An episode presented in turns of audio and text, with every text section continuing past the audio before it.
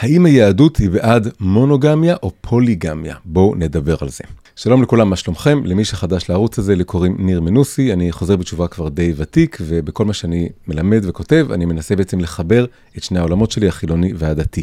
הפעם אני רוצה שנדבר על שאלה שמטרידה אנשים רבים, וצריך לעשות בסדר אחת ולתמיד. כל כך הרבה מדברים ביהדות על הבית היהודי, על איש ואישה זכו שכינה ביניהם, על אהבה זוגית, בלעדית ונאמנות. ונשאלת השאלה, איך כל זה הולך ביחד, אם כך, שבתנ"ך יש המון סיפורים על ריבוי נשים, והתורה בעצם בבסיס שלה מתירה לגבר לשאת כמה נשים, ולא להפך יש לציין. אז בואו ננסה לענות על זה בצורה מסודרת, האמת שזה לא כזה מסובך, רק צריך אה, לעבור שלב שלב. אז נתחיל באיזושהי הקדמה בסיסית. התורה ירדה לעולם העתיק. במטרה בעצם לבשר לו הרבה דברים מטלטלים, שיש אה, בורא אחד, שאין לו פנים, שיש דבר שנקרא מצוות, שיש מגמה להיסטוריה, שיש חזון של גאולה עתידית ועוד כל מיני דברים. עכשיו, כשמביאים אור חדש לעולם, יש בעצם איזה משחק עדין. עד כמה אנחנו שוברים את הכלים של המציאות כמו שהיא כרגע קיימת, ועד כמה אנחנו משתלבים בתוך הכלים האלה, ובהדרגה מרחיבים אותם מבפנים. עכשיו, בדבר אחד ברור שהתורה החליטה לשבור את הכלים בצורה מאוד מכוונת, כמעט כפשוטו. הכוונה היא לניתוץ האלילים והאלילות. התורה התעקשה שחייבים להאמין שיש בורא אחד, ללא פסל ותמונה, ונתנה הוראה לנפץ את כל המזבחות והמקדשים של העבודה הזרה של הכנענים בארץ, כמו שמסופר שאברהם אבינו עשה לאלילים של אבא שלו. אבל בדברים אחרים רואים שהתורה נוקטת בדרך השנייה. היא משתלבת בנורמות הקיימות, מאשרת אותן, אבל במקביל גם זורעת מין זרעי פורענות שבעצם עתידים אה, לפרק אותם מבפנים. דוגמה אחת לזה היא נושא העבדות למשל. התורה לא ביטלה את העבדות, העולם לא היה מוכן לזה באותה תקופה, אבל היא כן ריככה אותו. היא הציבה הרבה גבולות וסייגים לאופן שבו מותר לאדם להתייחס לעבד שלו. וגם המציאה קטגוריה חדשה שנקראת עבד עברי, שהיא בכלל מין מסגרת שיקומית לאדם שאיבד את המעמד שלו, ושבסוף התקופה הנתונה הוא משתחרר. ומעל הכל יש ב- בלב של התורה הסיפור שלה הוא הסיפור של יציאת מצרים, שלח את עמי שחרור של עבדים מאימפריה משעבדת. כל הדברים האלו ביחד הדהדו בהדרגה במסדרונות ההיסטוריה, ובעצם היו ההשראה הישירה למהפכת שחרור העבדים בארצות הברית, למשל, למאבק זכויות האדם של מרטין לותר קינג, למשל, שנות ה-60, וכן הלאה. אז זו דוגמה אחת. ודוגמה שנייה היא הנושא בדיוק הזה של פוליגמיה ומונוגמיה. כמעט בכל העולם ולאורך רוב ההיסטוריה, המודל הבסיסי ביותר של משפחה היה פוליגמיה, או ליתר דיוק פוליגיניה, שזה ריבוי נשים. פוליגמיה זה ריבוי נישואין, פוליגיניה זה ריבוי נשים, שגבר אחד נושא כמה נשים. הסיבה לכך שזה היה המודל הכי רווח, היא מאוד מאוד פשוטה, ואין לה כל כך קשר לפטריארכליות. היא קשורה לזה שריבוי נקבות לזכר, פירושו יותר צאצאים, ואילו ריבוי זכרים לנקבה, פירושו בדיוק אותו מספר של צאצאים, וזה לא מוסיף כלום. פלוס, זה כן מוסיף בעיה חדשה שלא יודעים מי האבא, מה שמאוד מאוד מחליש לאבות את האינטרס שלהם לדאוג לצאצאים שלהם. זו הסיבה שזה לא רק לבני האדם היה ככה כמעט בכל המקום בעולם, אלא זה ככה, ככה אצל 95% מהמינים של היונקים בטבע. המבנה הפוליגיני הוא השולט. אז זה היה המודל ב- ב- ברוב העולם, והיו לו גם יתרונות. בעולם שיש בו תמותת תינוקות גבוהה, אז אפשר לכל משק בית להביא יותר ילדים, וגם בעולם שבו המון גברים מתים במלחמות, תראו כמה עשרות אלפים נהרגים בכל מלחמה קטנה בתנ"ך, אז זה עולם שיש בו הרבה אלמנות. בעולם העתיק אלמנות לא יכולות להיות עצמאיות, הן חייבות חסות של גבר, האפשרות הזאת דאגה להן. הרבה נשים העדיפו להיות אישה שנייה או שלישית, על פני להיות אלמנה שצריכה להסתדר לבד. אם תלכו לסרטונים של מוסלמים, אז הרבה מהם גם יועילו בטובם להסביר לכם כמה זה טוב, אה, עד, אה, כמה, למה זה הכי טוב גם עד היום. עכשיו, לתוך המציאות הזאת, ירדה התורה והבינה, בדומה למה שהיה עם העבדות, שצריך פה שינוי הדרגתי, הרחבת הכלים מבפנים, כמו שאמרתי. אז היא התירה לגבר לשאת כמה נשים לפי יכולתו הכלכלית, אבל לשאת, mind you, כן? לא סתם להוציא לאיזה בילוי של אה, לילה אחד, הוא חייב להתחתן עם האישה, ובאמת יש על זה סיפורים בתנ"ך. אבל מצד שני, התורה גם שתלה המון רמזים, התורה והתנ"ך בכלל, המון רמזים לכך שזה לא האידיאל הרצוי מבחינת התורה. זה השאיפה, אלא, אלא השאיפה הסופית היא להגיע למצב של אישה אחת לגבר אחד. אז הנה עכשיו אני אעשה רשימה חלקית של הרמזים האלו בסדר כרונולוגי, ותראו איך התורה בעצם אה, מנסה לכוון אותנו, להצביע לנו על כך שהאידיאל הוא שונה מהמציאות שכרגע היא משקפת ומאשרת. אז אוקיי, רמז ראשון. בגן עדן נבראים איש אחד ואישה אחת. לא איש אחד וארבע נשים, לא איש אחד ועשר נשים, איש אחד ואישה אחת.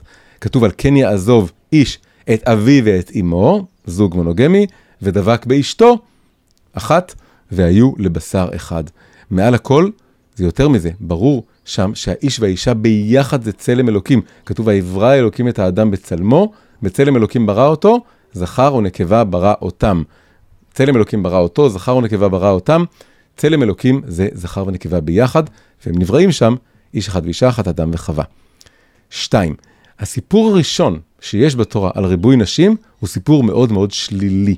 למך, צאצא של קין, שהוא בעצם הנציג המובהק של דור המבול המושחת, הסיפור היחידי שיש לנו אה, עם מלא פרטים על דור המבול, אה, הוא נושא שתי נשים, עדה וצילה, וכתוב, המפרשים אומרים שאחת הייתה לצורך פריון, איתה הוא הביא ילדים, ואחת הוא אה, נתן לה מין גלולה קדומה, אה, כוס של עקרין, משקה שמעקר אותה, והיא רק הייתה בעצם לצורך הנאה. אפשר לקרוא לזה שני סוגים של החפצה, אחת רק ילדים, אחת רק בשביל הנאה מינית, וכמובן זה סיפור מאוד שלילי, זה חלק מדור המבול שנמחה ומחליפים אותו. אחרי זה כשמגיע המבול עצמו, ויש את הסיפור של נוח והתיבה, אז הכל מאוד מאוד מונוגמי. יש נוח ואשתו, יש את שלושת הבנים שלו, אה, ושלושת נשי בניו, התורה מדגישה שהיו רק שלוש נשים, הייתה יכולה להגיד רק נשי בניו, כתוב של, שלוש נשי בניו, וכמובן, אה, אחיות, שניים שניים באו לתיבה, אה, זכר או נקבה. אם אתם רוצים, יש לי שיעור שלם על כך שהסיפור שם שהוא שולח את העורב, ואחרי זה שולח את היונה, זה בעצם מסמל את המעבר מפוליגמיה למונוגמיה. אני שם פה קישור, אתם יכולים לצפות בשיעור הזה. ארבע, האבות.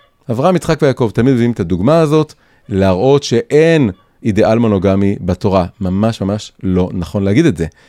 כל אחד משלושת האבות, גם אברהם, גם יצחק, גם יעקב, רצו לכתחילה לשאת אישה אחת. אברהם רצה רק את שרה, יצחק רצה רק את רבקה, יעקב רצה רק את רחל. אבל מה קרה? אצל אברהם ושרה, שרה הייתה הכרה, היא ביקשה מאברהם לבוא על הגר כדי שיהיה לה ילד ממנו. אחרי זה, בדור השלישי, עם יעקב, לבן רימה אותו, הכריח אותו לשאת את לאה, והוא עדיין קיים את ההבטחה שלו לרחל, והתחתן גם איתה. אחרי זה, יותר מאוחר, שתי הנשים האלו ביקשו שהוא ייקח את השפחות שלהם כדי שבתקופה שהם היו עקרות.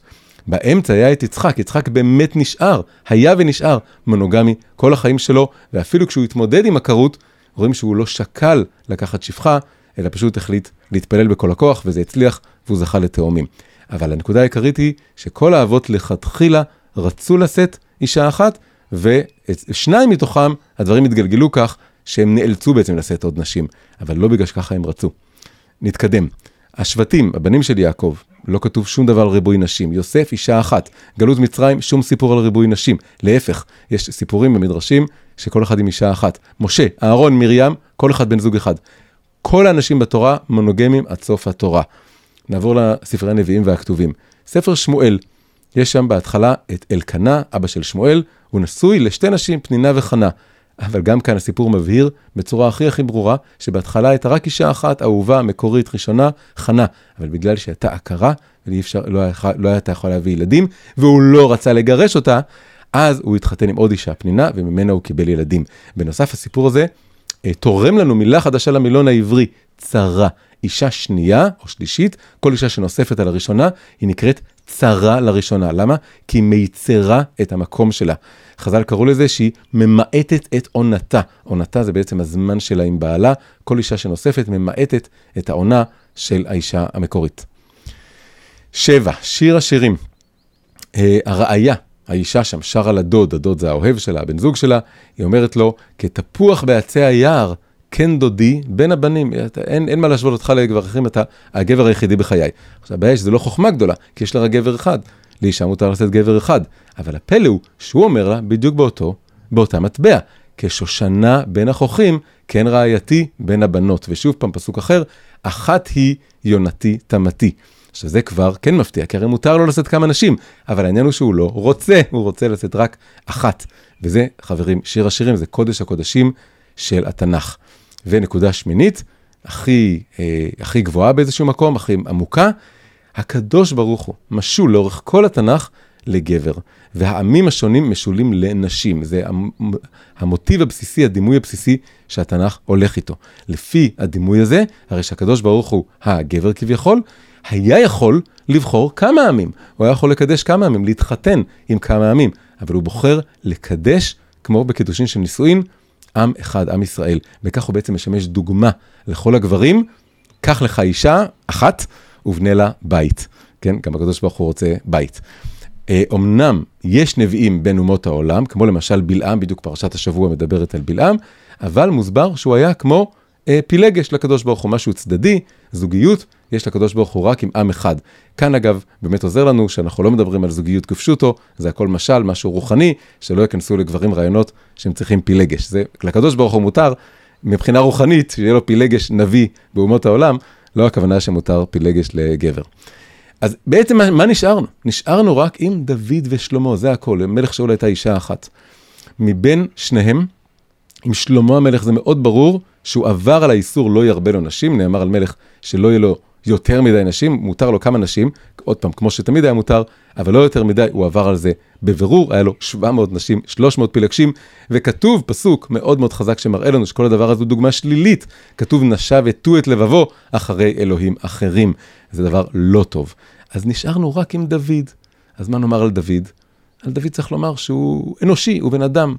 בן אדם בתקופתו, וגם בן אדם ספציפי, יש לו יצרים, בחלק מהדברים הוא פועל לפי מה שמותר בתקופה שלו, חלק מהדברים הוא נופל, ואז הוא קם ועושה תשובה. כל זה לא סותר את העובדה שהתורה אה, הזניקה, התניעה, תהליך הדרגתי היסטורי של יציאה הדרגתית מעולם פוליגמי או פוליגיני של ריבוי נשים אל עבר עולם, אל עבר אידיאל מונוגמי, שבו לכל גבר יש אישה אחת. הסיפור של דוד, הוא לא סותר את זה, הוא בעצם חלק מזה, הוא שלב בתהליך הזה, בסיפור ההיסטורי הארוך הזה. עכשיו, מה שהתורה רמזה, שתלה רמזים, שתלה זרעים, ו- ורצתה שיהפוך להיות משהו בהיסטוריה, אכן הפך ברבות השנים, קודם כל למנהג מאוד בסיסי, יסודי ביהדות, ואחרי זה גם להלכה ממש.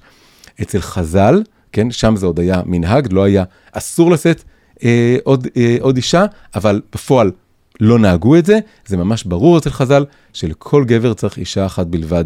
דוגמה קטנה מאוד לדבר הזה, הם מתי שאומרים חז"ל, שאלמלא לא ניתנה התורה, אילו לא היינו מקבלים את התורה, אז היינו לומדים עריות, כלומר, זה כל החוקים שקשורים במיניות, מיונה. למה דווקא יונה? אז רש"י מסביר שאינו נזקק אלא לבת זוגו. היונה היא סמל לחיה מונוגמית, יש כל מיני מינים בטבע, אבל בגדול זה מה שהיא מסמלת. ורש"י אפילו אומר את זה בלשון זכר, היונה ממין זכר אינו נזקק אלא לבת זוגו. אז, אה, אז זה בדיוק מה שחז"ל אומרים, אם, אם לא היינו מקבלים את התורה, היינו מסתכלים על היונה, והיינו לומדים דווקא ממנה שצריך להיות מונוגמי, למרות שרוב הטבע הוא לא כזה. בימי הביניים זה הפך להלכה. חרם דרבנו גרשום, שנכתב באזור שנת אלף למניינם, קבע סופית שאין לגבר לשאת יותר מאישה אחת, נקודה. גם אם הוא רוצה, גם אם הוא יכול. הוא צריך להיות כמו הקדוש ברוך הוא, לקדש אישה אחת. זה היה בתוקף בהתחלה רק בעולם האשכנזי, הספרדים המשיכו לשאת כמה נשים, בדיוק, בדיוק אגב, אה, כמו המוסלמים, שהם היו מוקפים בהם. אבל בהדרגה גם הם יישרו קו עם האשכנזים, והיום למעשה התופעה הזאת של ביגמיה, של פוליגמיה, חלפה מן העולם, ברוך השם. אנחנו נשארים עם כל הסיפורים של התורה כתזכורת מאין באנו, דע מאין באת, וגם כתזכורת לכך שהיצר הזה של ריבוי פרטנרים במקביל, הוא קיים באדם, במיוחד בגברים, זה חלק מה, מהטבע שלנו. אבל אה, אנחנו לומדים את זה כדי שנוכל להתעלות מעל זה, כדי שנוכל להתגבר על איזה יצר, צריך קודם כל להכיר בו, להודות בו, לא להעמיד פנים שהוא לא קיים.